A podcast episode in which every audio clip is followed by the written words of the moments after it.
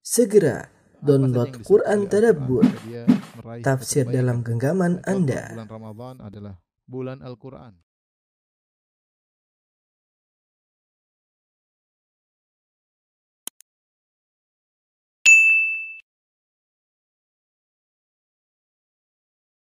Bismillahirrahmanirrahim. Assalamualaikum warahmatullahi wabarakatuh. Alhamdulillahi ala ihsani wa syukru lahu ala taufiqihi wa amtinani wa asyhadu an la ilaha illallah wahdahu la syarika lahu ta'ziman li sya'ni wa asyhadu anna Muhammadan abduhu wa rasuluhu da'ila ridwani. Allahumma salli alaihi wa ala alihi wa ashabihi wa ikhwani. Uh, hadirin dan hadirat yang dirahmati oleh Allah Subhanahu wa taala, kita melanjutkan bahasan kita dari kitab Fadlul Islam karya Syekh Muhammad bin Abdul Wahab rahimahullahu taala. Dan kitab ini sangat indah agar kita semakin tegar di atas Islam uh, di tengah berbagai macam syubhat yang dilontarkan baik oleh orang-orang liberal yang yang membuat kita ragu seakan-akan kebenaran bukan hanya pada Islam ya. Uh, maka kita butuh mempelajari buku-buku seperti ini ya. Menegarkan kita di Islam agar kita wafat dalam kondisi bertauhid kepada Allah Subhanahu wa taala, tegar di atas Islam ya dan berusaha menjalankan Islam yang yang murni ya. Jadi buku ini manfaatnya secara umum uh, membuat kita tegar di atas Islam, di atas tauhid sehingga kita meninggalkan agama-agama yang lain. Yang kedua adalah agar kita berada di atas Islam yang murni, tidak terpengaruh dengan uh, perkara-perkara uh, yang menyusup dalam Islam padahal dia bukan daripada Islam seperti bid'ah-bid'ah, khurafat-khurafat ya. Uh, dan yang lainnya ya. Taib kita masuk pada pembahasan berikutnya bab qaulillahi ta'ala wa may yabtaghi ghairal islami dinan fala yuqbala min. Firman Allah Subhanahu wa taala ya. Kata Allah Subhanahu wa taala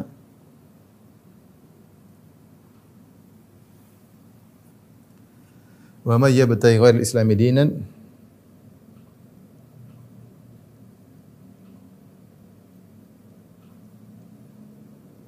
falan yuqbala min.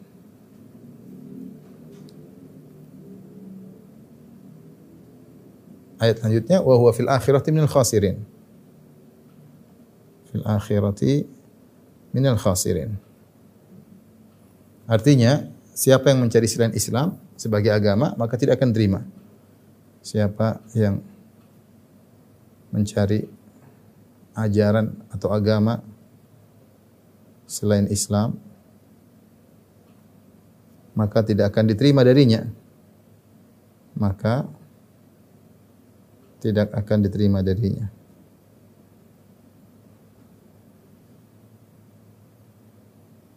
Wa huwa fil akhirati minal khasirin dan dia di akhirat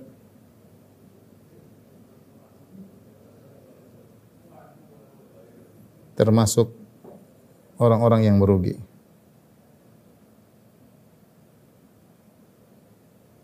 Di sini ada uh, perhatikan di sini Allah Subhanahu wa taala mengatakan wa may yabtaghi ghairil islami dinan. Siapa yang mencari agama selain Islam, agama apa pun, perhatikan. Agama apa pun selain Islam.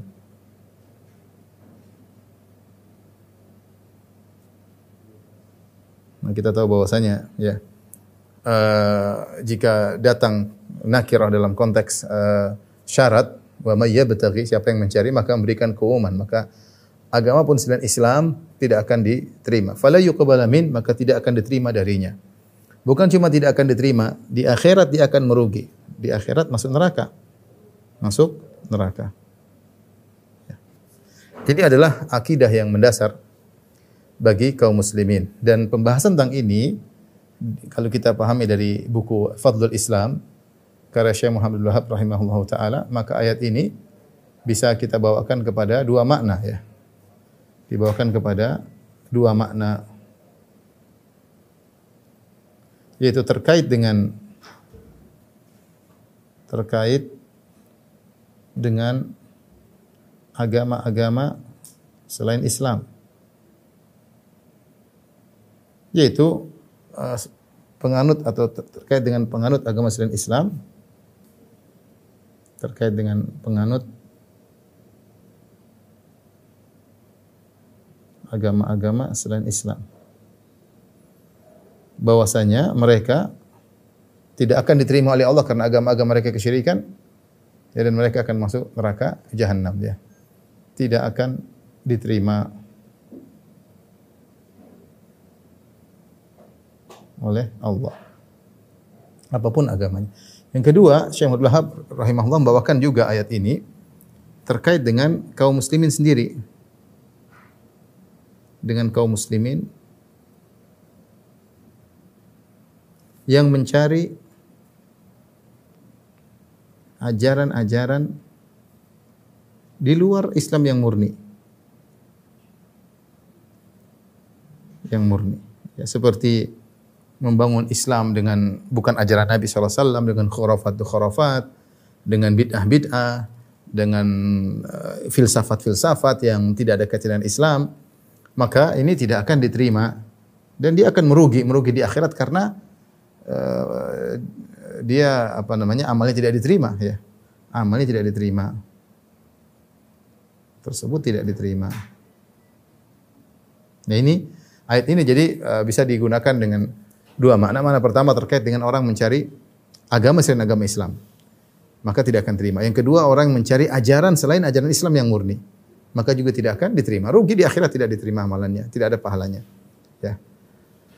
Uh, yang pertama terkait dengan agama selain agama Islam maka tidak diterima maka tidak ada jalan untuk masuk surga kecuali dengan Islam. Dan ini sudah ditekankan oleh Allah Subhanahu wa taala, "Inna dina indallahil Islam." Sungguhnya agama yang diridhai Allah hanyalah Islam. Kemudian Allah berfirman, "Wa may yabtaghi dinan fala yuqbal min." Siapa yang mencari agama selain Islam maka tidak akan uh, diterima. Uh, kemudian juga dalam hadis dalam Sahih Muslim kata Nabi sallallahu alaihi wasallam, "La yasma'u bi ahadun min hadhil ummah Yahudiyun aw Nasraniyun thumma yamutu wa lam yu'min billadhi ursiltu bihi illa kana min ahli nar. Tidak seorang pun dari umat ini uh, yang mendengar tentang aku, seorang pun siapa pun dia, Yahudi atau Nasrani, kemudian dia meninggal dalam kondisi tidak beriman kepada aku, kecuali dia akan masuk dalam neraka jahanam. Maka sepakat bahwasanya uh, agama setelah Islam selain Islam maka tidak diterima. Islam datang semua agama menjadi mansuh. Menjadi mansuh. Seorang harus masuk Islam agar selamat. Tadi Nabi mengatakan, ada orang Yahudi Nasrani sudah dengar tentang aku, kemudian tidak dalam mati dalam kondisi tidak beriman kepada yang aku bawa, maka dia akan illa kana min ahli nar, kecuali termasuk penghuni neraka jahanam. Kata Nawawi rahimahullahu taala, disebutkan Yahudi Nasrani, itu saja kalau tidak beriman kepada ajaran Nabi Muhammad SAW, maka masuk neraka apalagi agama-agama yang lain yang bukan samawi tapi buatan uh, manusia bukan dari Allah Subhanahu wa taala asalnya seperti Yahudi Nasrani asalnya dari Allah Subhanahu wa taala. Kemudian terjadi uh, penyimpangan. Baik, kita akan sebutkan dalil bahwasanya selain agama Islam tidak diterima.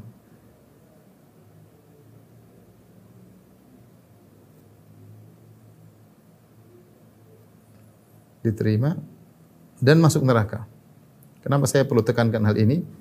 Karena kita tahu banyak suara-suara sumbang dari orang-orang liberal yang ingin menyatakan bahwasanya bisa masuk surga tanpa Islam. Orang bisa masuk surga dengan Yahudinya, orang bisa masuk surga dengan Nasraninya, Nasraninya, orang bisa masuk surga dengan Buddha dan Hindunya, orang bisa masuk surga dengan agama apa pun, dengan budaya, dengan keyakinan, dengan apa pun, dia bisa masuk surga. Yang penting bagi mereka akhlak yang baik. Akhlak yang baik. Karena agama ini sebagian mereka menganggap hanyalah sekedar sarana untuk berakhlak yang mulia dan orang berakhlak mulia bisa dengan agama mana pun, ya. Bisa dengan agama mana pun, ya.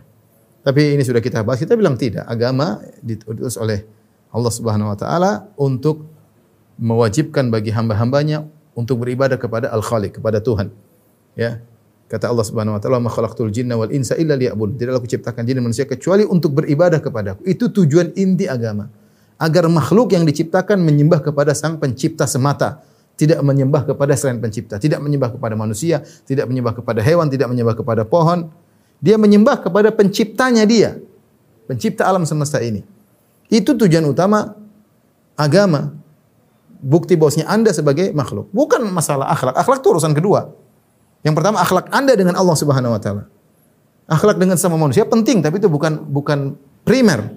Yang primer adalah akhlak Anda terhadap Tuhan yang menciptakan Anda. Kok Anda beribadah kepada selain Sang Pencipta? Apakah itu berakhlak? Itu sangat tidak berakhlak. Ya. Dan hanya agama yang mengajarkan ketauhidan menyembah kepada Tuhan satu saja yaitu Islam ya. Itu Islam semata yang lainnya tercampur dengan kesyirikan. Taib, dalil-dalil bahwasanya Islam tidak eh, apa namanya? Islam selain Islam tidak diterima dan masuk dalam neraka ya. Banyak ya. Pertama, di antaranya Allah ya menyatakan ahlul kitab tidak beriman dan ini banyak dalam Al-Qur'an ya. Ya, seperti firman Allah qatilul ladzina la yu'minuna billahi wala bil yawmil akhir. Wala yuharrimuna har ma haramallahu wa rasuluhu wala yujidunal haqq min alladzina utul kitaba hatta yu'tul dalam surat At-Taubah. Perangilah orang-orang yang ya, tidak beriman kepada Allah dan Rasulnya. Allah menyatakan mereka tidak uh, tidak beriman ya. Dan ayat-ayat seperti ini banyak ya. Demikian juga ya, Allah mengatakan wa ma wa ma ulaika bil mu'minin. Kata Allah seperti dalam Al-Qur'an, Kai wa kaifa yuhakkimunaka wa indahum at-taurat fi hukmullah tsumma yatawalluna min ba'di dzalik wa ma ulaika bil mu'minin. Kata Allah dan mereka itulah ahlul kitab, mereka tidak beriman. Kemudian eh, Allah memfonis mereka ahlul kitab. Kenapa kita sebut ahlul kitab? Kalau ahlul kitab saja eh, difonis begini apalagi selain mereka kafir. Dan ini juga dari beberapa sisi ya, dari beberapa sisi ya. Uh, seperti uh, Allah menyatakan mereka kafir karena mengklaim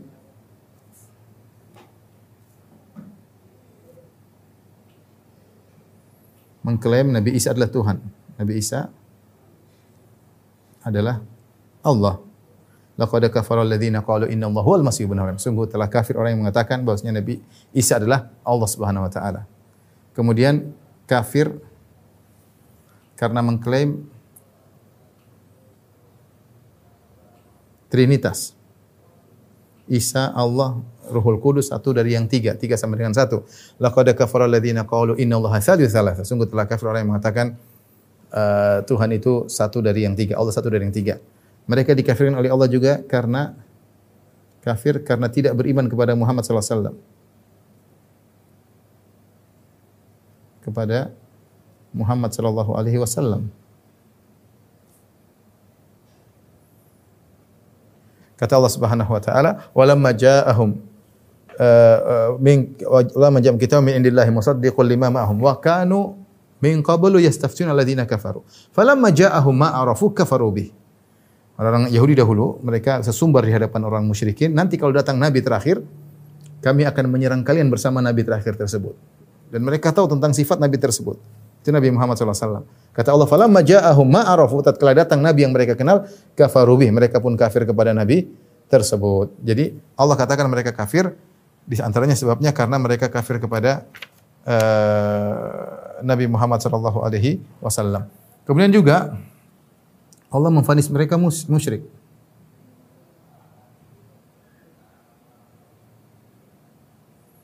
Ini saya tekankan agar kita tidak tidak boleh ragu bahwa selain Islam musyrik, musyrik. Ya. Ini banyak dalam uh, Al-Qur'an ya, seperti Allah mengatakan ittakhadhu ahbarahum wa ruhbanahum arbaba min dunillah wal masih ibn maryam wa ma umiru illa liya'budu ilahan wahida la ilaha illa huwa subhanahu amma yusyrikun.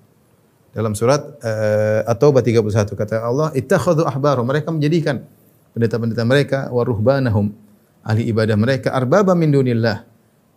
Tandingan-tandingan selain Allah itu apa yang mereka haramkan mereka ikut haramkan, apa yang mereka halalkan ikut mereka halalkan. Wal Masih bin Maryam dan mereka menjadikan Masih Isa bin Maryam sebagai tandingan bagi Allah. Wa ma umiru illa liya'budu ilahan wahida dan mereka tidak diperintahkan kecuali untuk beribadah kepada ilah yang satu, Tuhan yang satu. La ilaha illa huwa, tidak ada Tuhan yang berhak disembah kecuali Allah. Subhanahu amma yusyrikun, maha suci Allah dari apa kesyirikan yang mereka lakukan. Allah sebut mereka musyrik. Allah sebut mereka musyrik. Allah mengatakan ya uh, kata Allah Subhanahu wa taala uh, juga di antaranya ya pada hari kiamat kelak Allah mengatakan Wa idh qala Allah ya Isa bin Maryam anta qulta lin nasi ittakhiduni wa ummah ummi ilahaini min dunillah. Wahai Isa bin Maryam nanti pada hari kiamat kelak Allah hadirkan Nabi Isa di hadapan orang-orang Nasara. Allah berkata wahai Isa, apakah kau pernah perintahkan kepada pengikutmu jadikanlah aku dan ibuku sebagai Tuhan-Tuhan selain Allah Subhanahu wa taala ya. Di sini Allah menjelaskan bahwasanya menjadikan Nabi Isa sebagai sembahan berarti mengambil tandingan-tandingan bagi Allah Subhanahu wa taala ini menunjukkan bahwasanya uh, mereka difonis musyrik oleh Allah Subhanahu wa taala ya. Kemudian juga di antaranya dan ini ayatnya banyak. Yang keempat Allah memfonis mereka di neraka. Seperti ayat yang kita hafal yaitu ayat surah Al-Bayyinah innal ladzina kafaru min ahlil kitabi wal musyrikina fi nari jahannam khalidina fiha. Sungguhnya orang kafir dari kalangan ahlul kitab dan dari kalangan kaum musyrikin fi nari jahannam khalidina fiha mereka dalam neraka uh, jahannam dan mereka kekal di dalamnya uh, selama-lamanya ya. Jadi ini di antara dalil-dalil bahwasanya uh, mereka difonis kafir karena mereka tidak mengikuti ajaran Nabi Muhammad sallallahu alaihi wasallam ya. Baik. Kemudian uh, di antara kewajiban dalil bahwasanya uh, wajibnya hanya mencari Islam ya. Dalil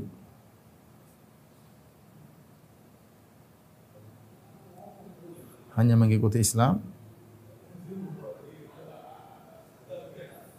Ya, di antaranya ya. E, seperti Allah Subhanahu wa taala mengutus nabi untuk seluruh umat.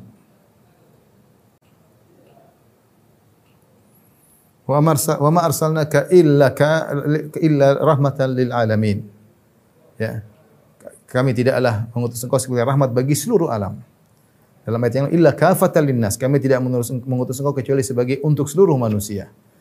Ya ayuhan nas, inni Rasulullah ilaikum jami'an. Dalam ayat yang lain, ya wahai manusia sekalian, sungguhnya aku diutus kepada kalian seluruhnya. Dan ini mencakup Yahudi, Nasrani, mencakup Buddha, Hindu, semua umat wajib beriman kepada Nabi karena Rasul mereka yang diutus kepada mereka terakhir hanyalah Rasulullah sallallahu alaihi eh, wasallam.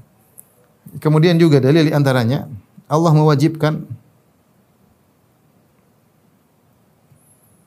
para nabi jika ketemu nabi, jika para nabi jika bertemu nabi harus ikut nabi. Nabi Muhammad sallallahu alaihi wasallam maka harus menolong nabi. Ikut Nabi wasallam. Harus menolong Nabi wasallam dalam surat uh, Al-Imran 81. Kata Allah Subhanahu wa taala, "Wa idz akhadha Allahu mitsaqan nabiyyin lama ataitukum min kitabin thumma ja'akum uh, min kitabin wa hikmatin thumma ja'akum rasulun musaddiqul lima ma'akum la tu'minunna bihi wa la tansurunnah." Ketika Allah Subhanahu wa taala mengambil janji dari para nabi seluruhnya, dari Nabi Adam sampai Nabi Isa alaihissalam. Ya. Lama ataitukum min kitabin wa hikmah tatkala aku berikan kepada kalian kitab dan hikmah. Ya. Thumma ja'akum rasulun musaddiqul lima ma'akum. Kemudian nanti datang kepada kalian seorang rasul yang membenarkan kalian semua. Maksudnya Nabi Muhammad SAW.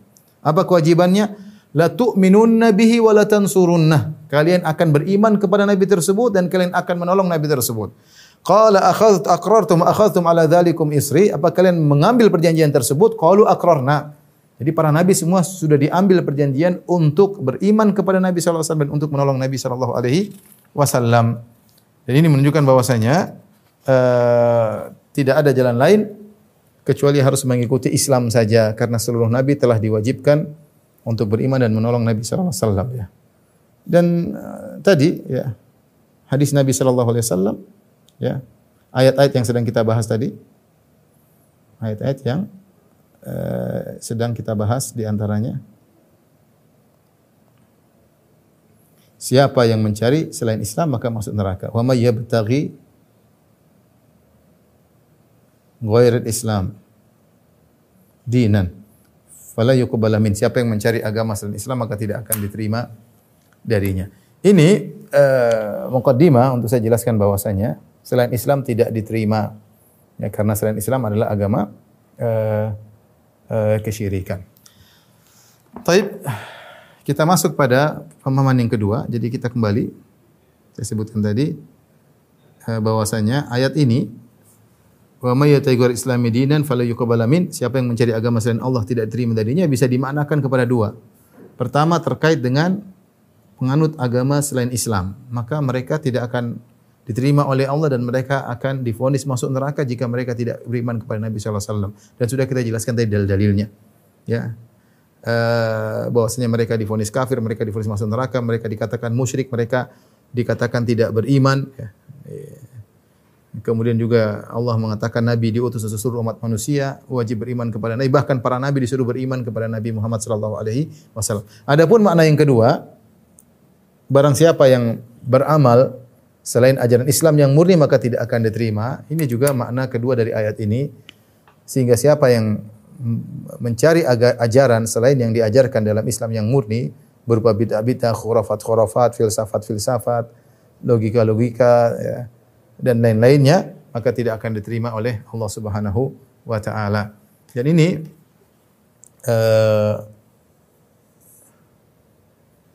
dikuatkan dengan hadis yang nanti akan dibawakan oleh Syekh Abdul rahimahullahu taala. Beliau kemudian setelah menyebutkan ayat, beliau membawakan hadis. Saya, saya bacakan hadisnya. Ya. Uh, Qala Rasulullah sallallahu alaihi wasallam Rasulullah SAW bersabda dalam hadis riwayat Al Imam Ahmad Ya, tetapi hadis ini uh, riwayat perawinya uh, siqah tetapi di sini uh, permasalahannya ada periwayatan dari Al Hasan dari Abu Hurairah radhiyallahu taala anhu Hasan Al Basri apakah meriwayatkan dari Abu Hurairah radhiyallahu anhu maka ini ada perbincangan di kalangan para ulama ala kulli hal kita bacakan hadisnya kata Nabi sallallahu alaihi wasallam taji'ul a'malu yaumal qiyamah pada hari kiamat kelak amal-amal akan hadir di hadapan Allah Subhanahu wa taala. Fataji'u salatu, maka salat datang. Fatakulu ya Rabbi ana salatu. Maka salat mengatakan ya Rabbku aku adalah salat ya.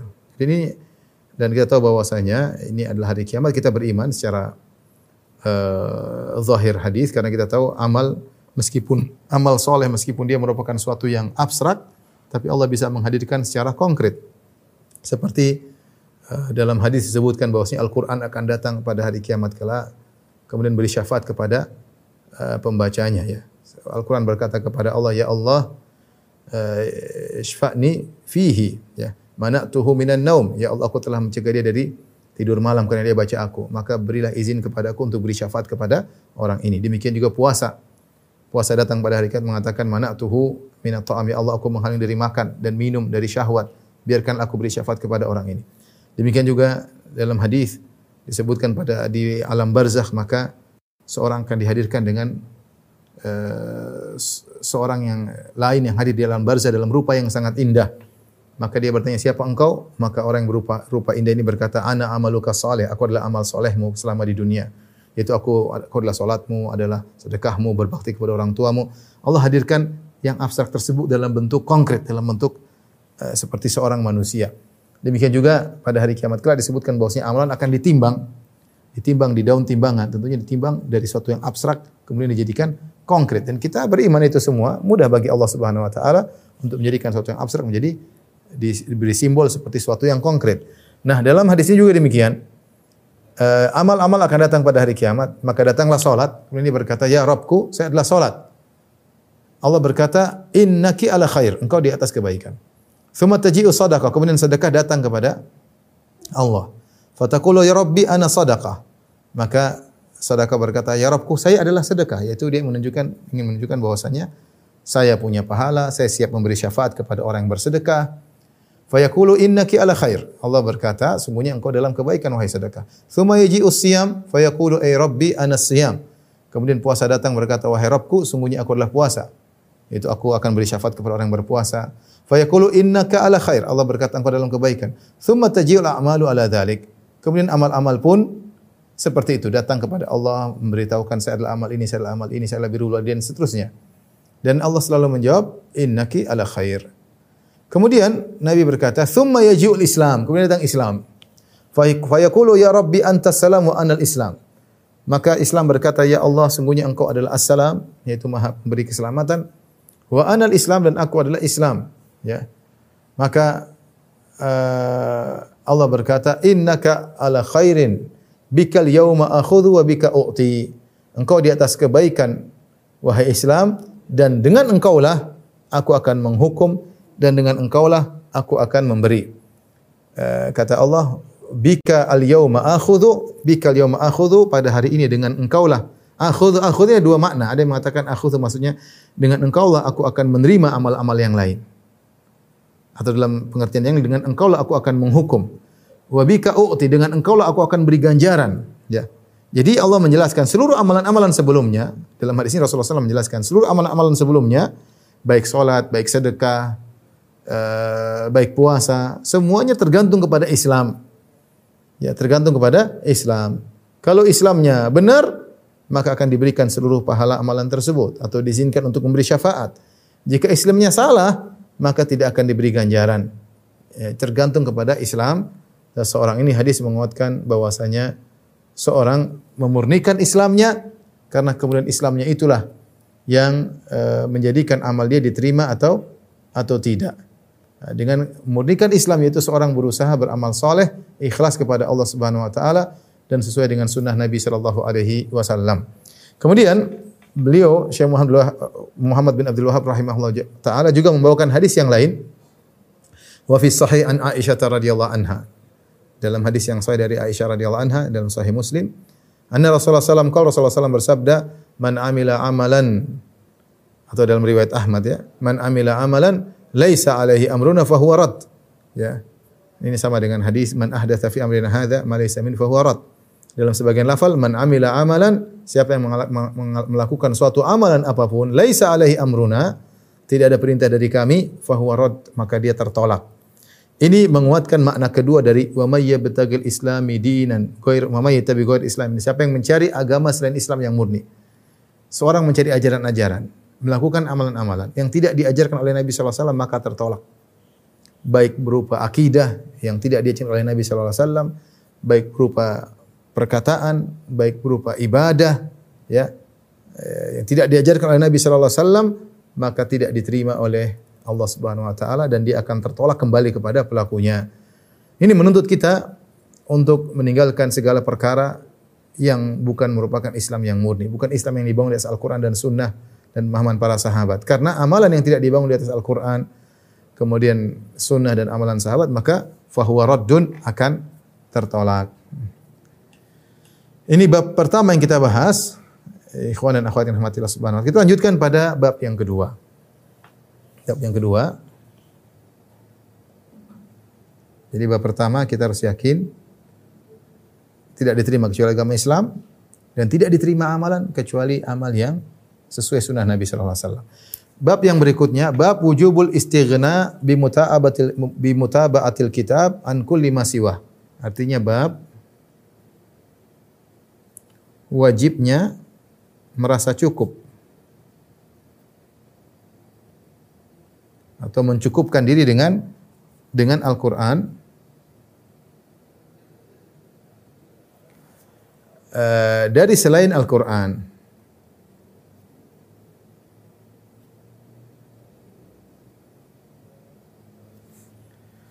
Al-Qur'anul Karim ya tentu dengan penjelasannya dengan sunnah Nabi sallallahu alaihi wasallam dengan pemahaman para salaf yang akan kita sebutkan ya. Maka ini sudah mencukupkan dari yang lain. Tidak boleh kita mencari Islam dari selain sumber-sumber Islam. Ya. Seperti sudah kita pernah jelaskan, ada yang mencari Islam dengan mimpi, ada yang berdalil dengan tajriba, dengan pengalaman, ada yang berdalil dengan tradisi. Ini semua bukan ajaran Islam. Ajaran Islam Al-Quran, Sunnah, pemahaman para sahabat. Selesai. Kalau kita membuka karena pengalaman, betapa banyak orang pengalaman. Islam tidak akan cukup. Islam akan semua orang bisa bikin agama kalau kita kembali bahwasanya Islam dibangun di atas pengalaman, maka pengalaman orang bermacam-macam. Akhirnya orang bisa bikin agama dengan pengalamannya. Kalau Islam berdasarkan mimpi-mimpi, maka orang akan banyak mimpi. Mimpi ini dia mimpi begini, kalau dia begini jadi baik, kalau dia menjadi baik sehingga setiap orang dengan mimpinya bisa bikin ajaran yang baru. Ya, tidak perlu Al-Qur'an Sunnah, cukup dengan mimpi-mimpi selesai. Ya. Sebagian orang menganggap Islam dengan tradisinya, tradisi moyangnya. Kalau tradisi moyang, maka Islam yang tradisi bisa bikin agama baru. Tradisi akan muncul mungkin seribu tahun lagi ada tradisi yang baru, ada seratus tahun lagi ada tradisi yang baru. Sehingga Islam bukan dari sumbernya, tapi setiap tradisi bisa membuat ajaran baru yang disandarkan kepada Allah Subhanahu wa taala. Maka di sini Syekh Muhammad bin Wahab rahimahullah taala ingin menjelaskan bahwasanya seorang ketika beragama hendaknya dia merasa cukup dengan Al-Qur'an, tidak boleh cari yang yang lain ya. Wa nazzalna 'alaikal kitaba tibyanan likulli syai'. Kemudian beliau menyebutkan dalil yang banyak, dalil akan hal tersebut. Di antaranya firman Allah Subhanahu wa taala, "Wa nazzalna 'alaikal kitaba tibyanan likulli syai'." Wa nazzalna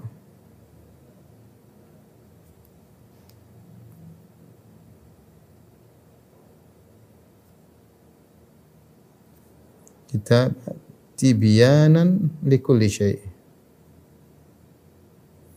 Kami turunkan kepada engkau Al-Quran. Al-Quran adalah penjelasan. Al-Quran sebagai penjelas penjelas bagi segala sesuatu. Perhatikan sini, segala sesuatu ini maksudnya apa? Maksudnya itu perkara-perkara yang terkait dengan keimanan. Ya. Perkara-perkara yang terkait dengan keimanan dan petunjuk ya. Eh, bukan maksudnya Al-Quran menjelaskan sesuatu, menjelaskan matematika, fisika, enggak. Al-Quran diturunkan bukan itu ya. Kalaupun dalam ayat-ayat ada ayat terkait dengan kedokteran, dengan tentang fisika, maka itu bukan tujuan utama. Itu hanya selalu disebutkan dalam rangka masalah keimanan. Ya, seperti Allah menyebutkan tentang proses penciptaan manusia dalam perut, ya itu sesungguhnya terkait dengan ilmu kedokteran. Tapi itu bukan maksudnya. Maksudnya Allah yang menjelaskan bahwasanya tabarakallahu ahsanul khaliqin. Maksudnya Allah sebaik-baik pencipta. Ya agar engkau tidak beribadah kecuali kepada Allah Subhanahu wa taala. Ketika Allah menyebutkan langit, tentang awan, apa itu bukan Allah tidak tidak sedang berbicara tentang uh, apa namanya fisika tapi Allah sebutkan itu dalam rangka untuk beriman. Jadi ingat Al-Qur'an ini bukan kitab sains enggak, itu bukan tujuan eh, Al-Qur'an secara uh, utama. Secara utama adalah Al-Qur'an adalah kitab petunjuk, kitab keimanan bagaimana seorang menjalani kehidupan. Ya, yang di situ orang punya hawa nafsu, mungkin mau begini, mungkin begini, maka Allah beri petunjuk caranya begini. Semua telah dijelaskan yang terkait dengan adab-adab kehidupan, ya. Makanya kalau kita lihat Al-Qur'an, ya, dengan penjelasannya tentunya dengan hadis-hadis Nabi dan praktik para sahabat, maka Al-Qur'an ini sudah Al-Islam ini sudah lengkap, sudah lengkap. Kita bilang dalam agama mana yang lengkap seperti Al-Quran? Semuanya dibahas. Islam ini semuanya dibahas. Tentunya uh, tidak serta merta harus tekstual Al-Quran, tetapi butuh penjelasan dari Nabi Shallallahu Alaihi wasallam. Karena dalam Al-Quran Allah berfirman, wa ma atakumur rasulu fakhudhuh, wa ma anhu fantahu. Apa saja yang Allah Rasulullah perintahkan maka kerjakan dan apa yang Rasulullah SAW larang maka tinggalkan. Oleh karenanya uh, ketika Ibnu Mas'ud radhiyallahu anhu melihat ada seorang uh, wanita yang kemudian pakai tato, maka dia pun marah. Dia berkata, "La'ana Rasulullah sallallahu alaihi wasallam uh, apa namanya? Uh, la'ana Allah wal washimah wal mustaushimah." Allah melaknat atau Rasulullah melaknat wanita mentato dan minta ditato. An-namisah wal mutanammisah, wanita yang mencukur uh, bulu apa namanya? rambut mata, eh, bulu mata, alis ya, alis mata ya, dan wanita yang minta untuk di uh, dicukurkan bulu alis matanya. Ya, kemudian al-falija wal mutafallijat, wanita yang sengaja mengkikir giginya untuk kelihatan lebih muda. Al-mughayyirati khalaqallah, ya. Uh, yang merubah ciptaan Allah Subhanahu wa taala. Maka ada yang protes ya. Uh, kenapa engkau melaknat? Maka uh, Ibnu Mas'ud mengatakan, "Kenapa aku tidak melaknat yang dilaknat dalam Al-Qur'an?" Kata perempuan ini, bagaimana dilaknat? Saya sudah baca Al-Quran dari awal sampai akhir. Tidak ada Allah sebutkan bahwasanya orang wanita bertato, wanita yang mencukur alis dilaknat. Kata Ibnu Mas'ud, kalau kau baca dengan baik tentu kau akan dapat. Bukan ke dalam Al-Quran. Allah mengatakan, wa ma atakumur rasulu fakhudhuh, wa ma nahakum. Bukan ke dalam Al-Quran Allah mengatakan apa saja yang datang dari Nabi SAW, maka ambillah. Dan apa yang dilarang oleh Nabi, maka tinggalkanlah. Dan Nabi yang pernah melaknat orang-orang seperti ini, wanita-wanita yang merubah-rubah ciptaan Allah tersebut. Ini dalil bahwasanya kalau Allah mengatakan Al-Quran itu tibyanan likulli syai, Al-Quran menjelaskan segala sesuatu, maksudnya dengan sunnah sebagai penjelas Al-Quran tersebut. Ya, maka tidak mungkin seorang memahami Al-Quran tanpa sunnah. Seperti Allah mengatakan, uh, aqimus salat, dirikan salat. Jadi kita tidak bisa jelaskan, tidak bisa menegakkan salat kalau tidak ada sunnah waktunya kapan sampai kapan, lima waktu kapan sampai kapan, berapa rakaatnya, tata caranya, ini semua dalam sunnah. Wa atu zakah, bayar zakat. Gimana kita bayar zakat kalau hanya dari Al-Quran? Tidak ada penjelasan detail. Dengan sunnah, dengan hadis, maka kita tahu detail tentang uh, zakat. Demikian juga tentang haji. Jadi intinya, Allah mengatakan, wa nazzalna alaikal kitaba likulli syai' kami turunkan kepada engkau Al-Quran sebagai penjelas atas segala sesuatu, maksudnya yaitu digandengkan dengan sunnah. Yang dia jelaskan segala sesuatu ini maksud saya tadi perkara-perkara yang terkait dengan kehidupan. Seorang butuh hidayah, baik dari sisi akidah, dari sisi adab, dari sisi pergaulan. Ini bukan bukan masalah segala sesuatu maksudnya ilmu biologi, ilmu fisika, ilmu matematika, enggak, bukan itu jangan disalahpahami. Saya katakan tadi Al-Quran bukan kitab sains, tapi dalam Al-Quran ada sains yang didatangkan oleh uh, Allah sebagai untuk masalah keimanan. Ya. Makanya dalam Al-Quran disebut tentang hari kiamat, uh, kemudian tentang keimanan, ketakwaan. Ya tentang iman kepada malaikat dan macam-macam yang ini mengantarkan seorang untuk bertakwa kepada Allah Subhanahu wa taala. Jadi Al-Qur'an mengajarkan segala sesuatu. Ya. Dalam Islam semua diajarkan. Sampai ada buang hajat diajarkan, ada makan diajarkan, ada berumah tangga diajarkan, ada bergaul diajarkan. Ya. Ya. Ada berhubungan dengan istri pun uh, apa namanya diajarkan adab dalam berpolitik juga diajarkan, adab dalam peperangan diajarkan. Subhanallah, lengkap. Kalau buka fikih, buka, kita buka fikih Islami lengkap semuanya. Kita nggak butuh agama lain. Ya, kita nggak butuh agama agama lain. Artinya kita nggak butuh ajaran lain sudah lengkap. Akidah juga sudah lengkap, iman kepada hari akhir sudah lengkap, mengenal tentang Allah juga sudah lengkap. Terus mau cari apa? Kita tidak butuh dari ajaran. Semuanya sudah lengkap dijelaskan detail oleh para ulama ketika menjelaskan Al-Quran dan hadis-hadis Nabi Shallallahu Alaihi Wasallam. Ayat yang lain juga sepadan dengan mana ini Allah mengatakan inna hadzal Qur'an yahdi lillati hi aqwam dalam surat uh, Al-Isra. Al-Qur'an menunjukkan kepada jalan yang terbaik. Sesungguhnya Al-Qur'an itu menunjukkan kepada yang terbaik. Dan benar, kalau Anda ingin mencari yang terbaik, ingin menjadi suami yang terbaik, ingin menjadi seorang akhlak yang terbaik, menjadi kepala negara yang terbaik, semuanya dalam Al-Quran, itu dengan sunnahnya maksudnya. Terus kalau gitu ngapain kita mencari selain dari Al-Quran? Ngapain kita mencari dari selain Al-Quran? Demikian dalam Al-Quran Allah berfirman, uh, dalam surat Al-Ankabut ayat 51, "Awalam yakfihim anna anzalna 'alaikal kitaba yutla 'alaihim." Kata Allah, "Awalam yakfihim anna anzalna uh,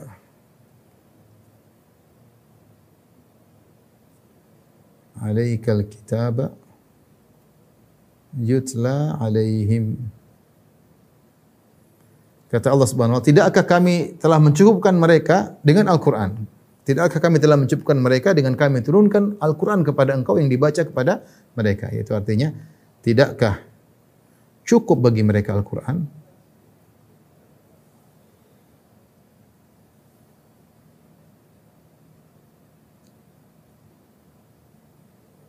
Jawabnya cukup. Al-Quran sudah cukup, tidak perlu yang yang lainnya. Ini yang sedang dibahas oleh Syekh Muhammad rahimahullahu taala. Sehingga keperluan yang untuk kita jalani dalam kehidupan kita bimbingan, bermasyarakat, berkeluarga, bernegara, uh, maka cukup dengan Al-Quran. Tidak perlu kita yang lainnya. Tidak perlu yang lainnya. Ya. Taib. Uh, kemudian Syekh Muhammad rahimahullah taala membawakan sebuah hadis bab ini. Saya bacakan warawan Nasa'i wa ghairuhu anin Nabi sallallahu alaihi wasallam. Imam Nasa'i dan yang lainnya meriwayatkan dari Nabi sallallahu alaihi wasallam annahu ra'a fi yadi Umar ibn al-Khattab waraqatan min at-Taurat. Nabi sallallahu alaihi wasallam melihat Umar bin Khattab lagi pegang selembar dari Taurat. Umar lagi baca. Maka Nabi menegur, Nabi berkata, "Amutahawwikuna ya ibn al-Khattab?" Apakah engkau tahawuk wahai Ibnu Khattab? Tahawuk ini ada dua penafsiran. Ada yang mengatakan, "Anta fi hirah min amrika ya Umar ya Umar bin Khattab?" Apa kau merasa ragu dengan Islam atau ragu dengan kau tidak merasa cukup dalam penafsiran yang lain tahawuk yaitu dukhul fi syai' bitasarru tasarru ini tasarru fi fi dukhul fi syai' biduni rawiyah yaitu masuk dalam suatu perkara tanpa pertimbangan, tanpa uh, uh, segera tiba-tiba, tanpa pertimbangan. Artinya, kenapa engkau segera baca Taurat wahai wahai Umar? Jadi Rasulullah marah. Rasulullah kemudian jelaskan untuk bahwasanya tidak perlu kau baca lembar Taurat tersebut. Laqad ji'tukum biha baydha'a naqiyah. Sungguh aku telah datang dengan syariat Islam dalam kondisi putih bersih. Kemudian Rasulullah mengakhiri perkataannya, "Walau kana Musa hayyan wattaba'tumuhu wa taraktumuni dhalaltum." Kalau seandainya Musa masih hidup, terus kalian ikut Musa, kalian tinggalkan aku, sungguh kalian akan sesat. Dalam riwayat yang lain, "Lau kana Musa hayyan ma wasi'u illa tibai. Kalau Musa masih hidup dia pasti ikut aku. Tidak boleh bagi dia kecuali menjadi pengikutku. Ketika Umar ditegur oleh Nabi sallallahu alaihi wasallam, Umar berkata, "Raditu billahi rabban wa bil islami dinan wa bi Muhammadin nabi." Aku ridha Allah sebagai Tuhanku.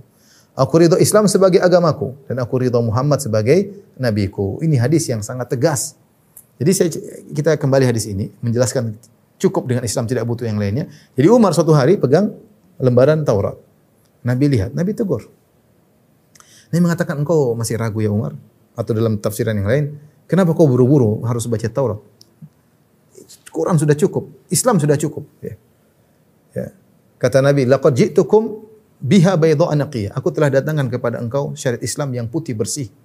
Ya. Seandainya Musa masih hidup, kalian ikut dia, tinggalkan aku, kalian sesat. Kalau Musa masih hidup, alaihissalam, dia pasti mengikutiku. Tidak ada jalan bagi dia kecuali mengikuti aku. Karena wajib bagi dia untuk mengikuti aku. Ya, dan ini sudah kita jelaskan tadi dalam Al-Qur'an dalam surat Ali Imran ayat 81. Wa idh akhadha Allahu mitsaqan nabiyyina lama ataitukum min kitabin wa hikmatin thumma ja'akum rasulun musaddiqun lima ma'akum la tu'minunna bihi wa la tansurunna. Qala aqrartum wa akhadhtum ala dhalikum isri qalu aqrarna.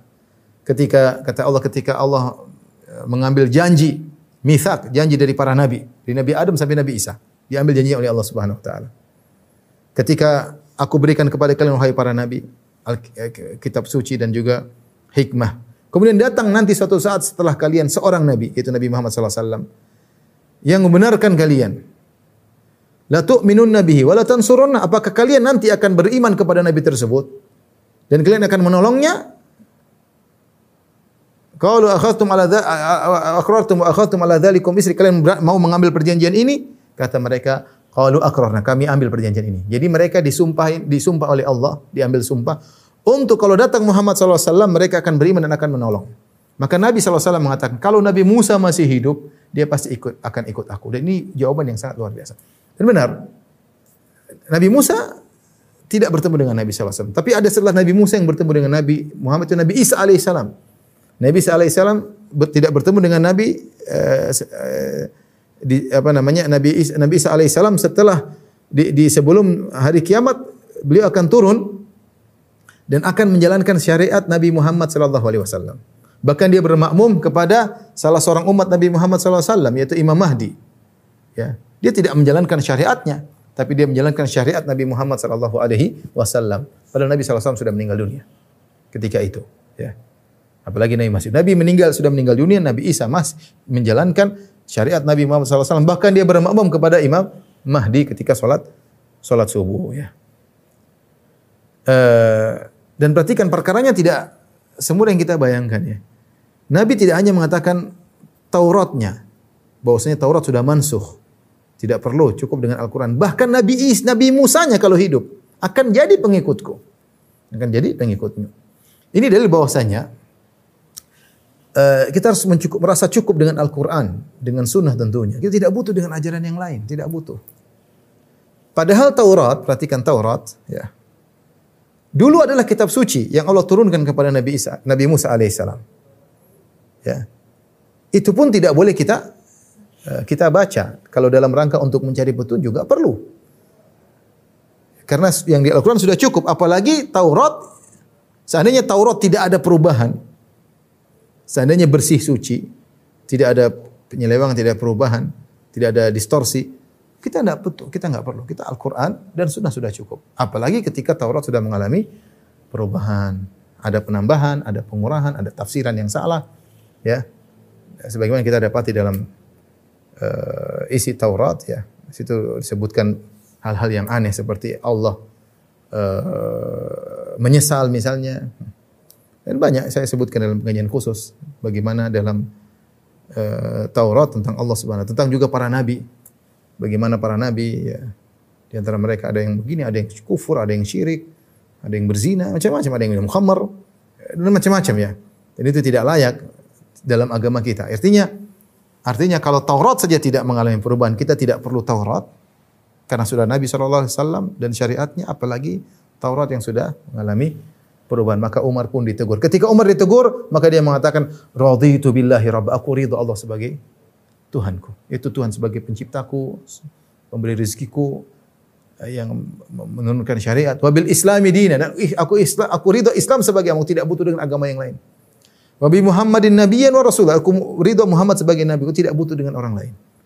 Ridho dengan nabi sebagai Muhammad sebagai nabiku dengan syariatnya dengan sunnah-sunnahnya aku aku ridho. Ya. Maka di antara zikir pagi petang kita berdoa berkata raditu billahi rabba wa nabi Muhammad nabi wa rasulah untuk kita ikrarkan bahwasanya saya ridho dengan Islam, saya tidak butuh dengan yang lainnya. Sebagaimana saya ridho Allah sebagai Tuhan, saya tidak butuh dengan Tuhan-Tuhan yang lain. Sebagaimana saya ridho Muhammad sebagai Nabi, saya tidak butuh dengan ajaran Nabi-Nabi ya, Nabi-Nabi yang lain. Dari sini, Umar ditegur oleh Nabi SAW. Sehingga banyak ulama yang melarang kita untuk melihat lembaran-lembaran Taurat, ya, perjanjian lama kalau sekarang, ya, tidak boleh kita melihat. Ya, karena Umar saja ditegur oleh Nabi SAW. Namun sebenarnya mengatakan, uh, boleh kalau seorang memang pakar, ahli, dan dia akidahnya kuat dan dia memang ingin menjelaskan tentang penyimpangan yang ada agar orang-orang bisa masuk Islam ya. Uh, sebagaimana uh, Allah berfirman wala tujadil ahlul kitab illa billati ahsan janganlah kalian berdebat dengan ahli kitab dengan cara yang baik. Tentunya ketika kita berdebat kita harus tahu apa yang ada di pemahaman mereka dengan kita membaca uh, kitab suci mereka. Demikian juga ketika Rasulullah SAW mengutus Mu'adz bin Jabal Kata Rasulullah SAW, Inna kata'ti kauman ahla kitab. Sungguhnya kau akan mendatangi suatu kaum dari ahlul kitab. Artinya persiapkanlah dirimu. Kau akan bertemu dengan orang yang punya pemikiran. Kenalilah akidah mereka untuk bisa berhadapan dengan mereka, berdiskusi dengan mereka. Tapi para ulama banyak yang mengatakan tidak boleh baca sama sekali. Enggak perlu, karena kita enggak perlu. Jadi pendapat yang benar, kita tidak boleh baca kitab-kitab yang lain dalam rangka mencari petunjuk. Enggak boleh. Karena petunjuk Al-Quran sudah cukup sunnah, nggak ada. Nggak mau apa? Anda mau berumah tangga, ada ada dalilnya ada. Anda mau semua adab sudah diajarkan. Ada bergaul aja diajarkan, ada berteman diajarkan, ada makan, ada minum, mau hajat. Terus mau cari riman lagi. Adakah agama yang detail seperti agama kita? Tidak ada. Sudah sempurna, Islam sempurna. Al yauma akmaltu lakum dinakum. Pada ini aku telah sempurnakan bagimu agama bagi kalian, Islam bagi kalian. Ya. Dan nikmat yang Allah berikan kepada aku berikan kepada kalian sempurnakan. Ya. Jadi tidak perlu kita cari uh, uh, uh, yang lain ya. Jadi tidak boleh kita baca Taurat ini dalam rangka mencari petunjuk enggak boleh ya. Sudah cukup Al-Qur'an. Nah, kita boleh baca bagi orang yang pakar, boleh dalam rangka untuk uh, menjelaskan penyimpangan yang ada, pertentangan dengan Al-Qur'an misalnya ya. Sebenarnya dilakukan oleh para ulama seperti Ibn Taimiyah punya buku Al-Jawab Sahih liman baddala dinal masih. Jawaban yang sahih kepada orang yang merubah agama Nabi Isa. Itu jawaban dari Nasara. Demikian juga uh, uh, Ibnu Qayyim punya buku Hidayatul Hayara, petunjuk kepada orang-orang yang bingung ya. Uh, tentang fi betil Yahud Nasara, jawaban terhadap orang-orang Yahudi Nasara. Seperti Rahmatullahil Hindi punya buku bantahan terhadap orang Nasara bagus ya. Jadi tidak apa-apa kalau yang pakar ahli, tapi tidak boleh kita membaca dalam rangka mencari petunjuk karena Al-Qur'an sudah uh, cukup. Nah, kalau Taurat dan Injil saja yang dulu pernah turun dari langit dan pernah menjadi kitab suci tidak boleh kita jadikan bahan untuk mencari petunjuk untuk belajar akidah untuk tidak perlu. Apalagi kita kemudian mencari akidah dari buku-buku yang enggak jelas, dari filsafat-filsafat Yunani, ya, dari teori-teori ini, subhanallah, sebagian orang cari akidah dengan filsafat. Belajar filsafat, belajar ini, belajar. Gimana? Taurat Injil saya tidak boleh. Apalagi mengambil akidah dan ilmu ilmu uh, filsafat dan ilmu-ilmu yang semacamnya dari uh, tradisi dari enggak kita enggak perlu kita cukup Al-Quran dan Sunnah. Bukankah Al-Quran dan Sunnah telah menjadikan para salaf dahulu menjadi hebat, jadi orang bertakwa. Kita bertakwa tidak perlu dengan selain Al-Quran dan Sunnah. Al-Quran dan Sunnah sudah cukup buat orang bisa bertakwa. Al-Quran dan Sunnah bisa membuat generasi hebat seperti Abu Bakar, Umar, Uthman, dan Ali dan yang lainnya. Terus kita mau cari yang lain? Ya.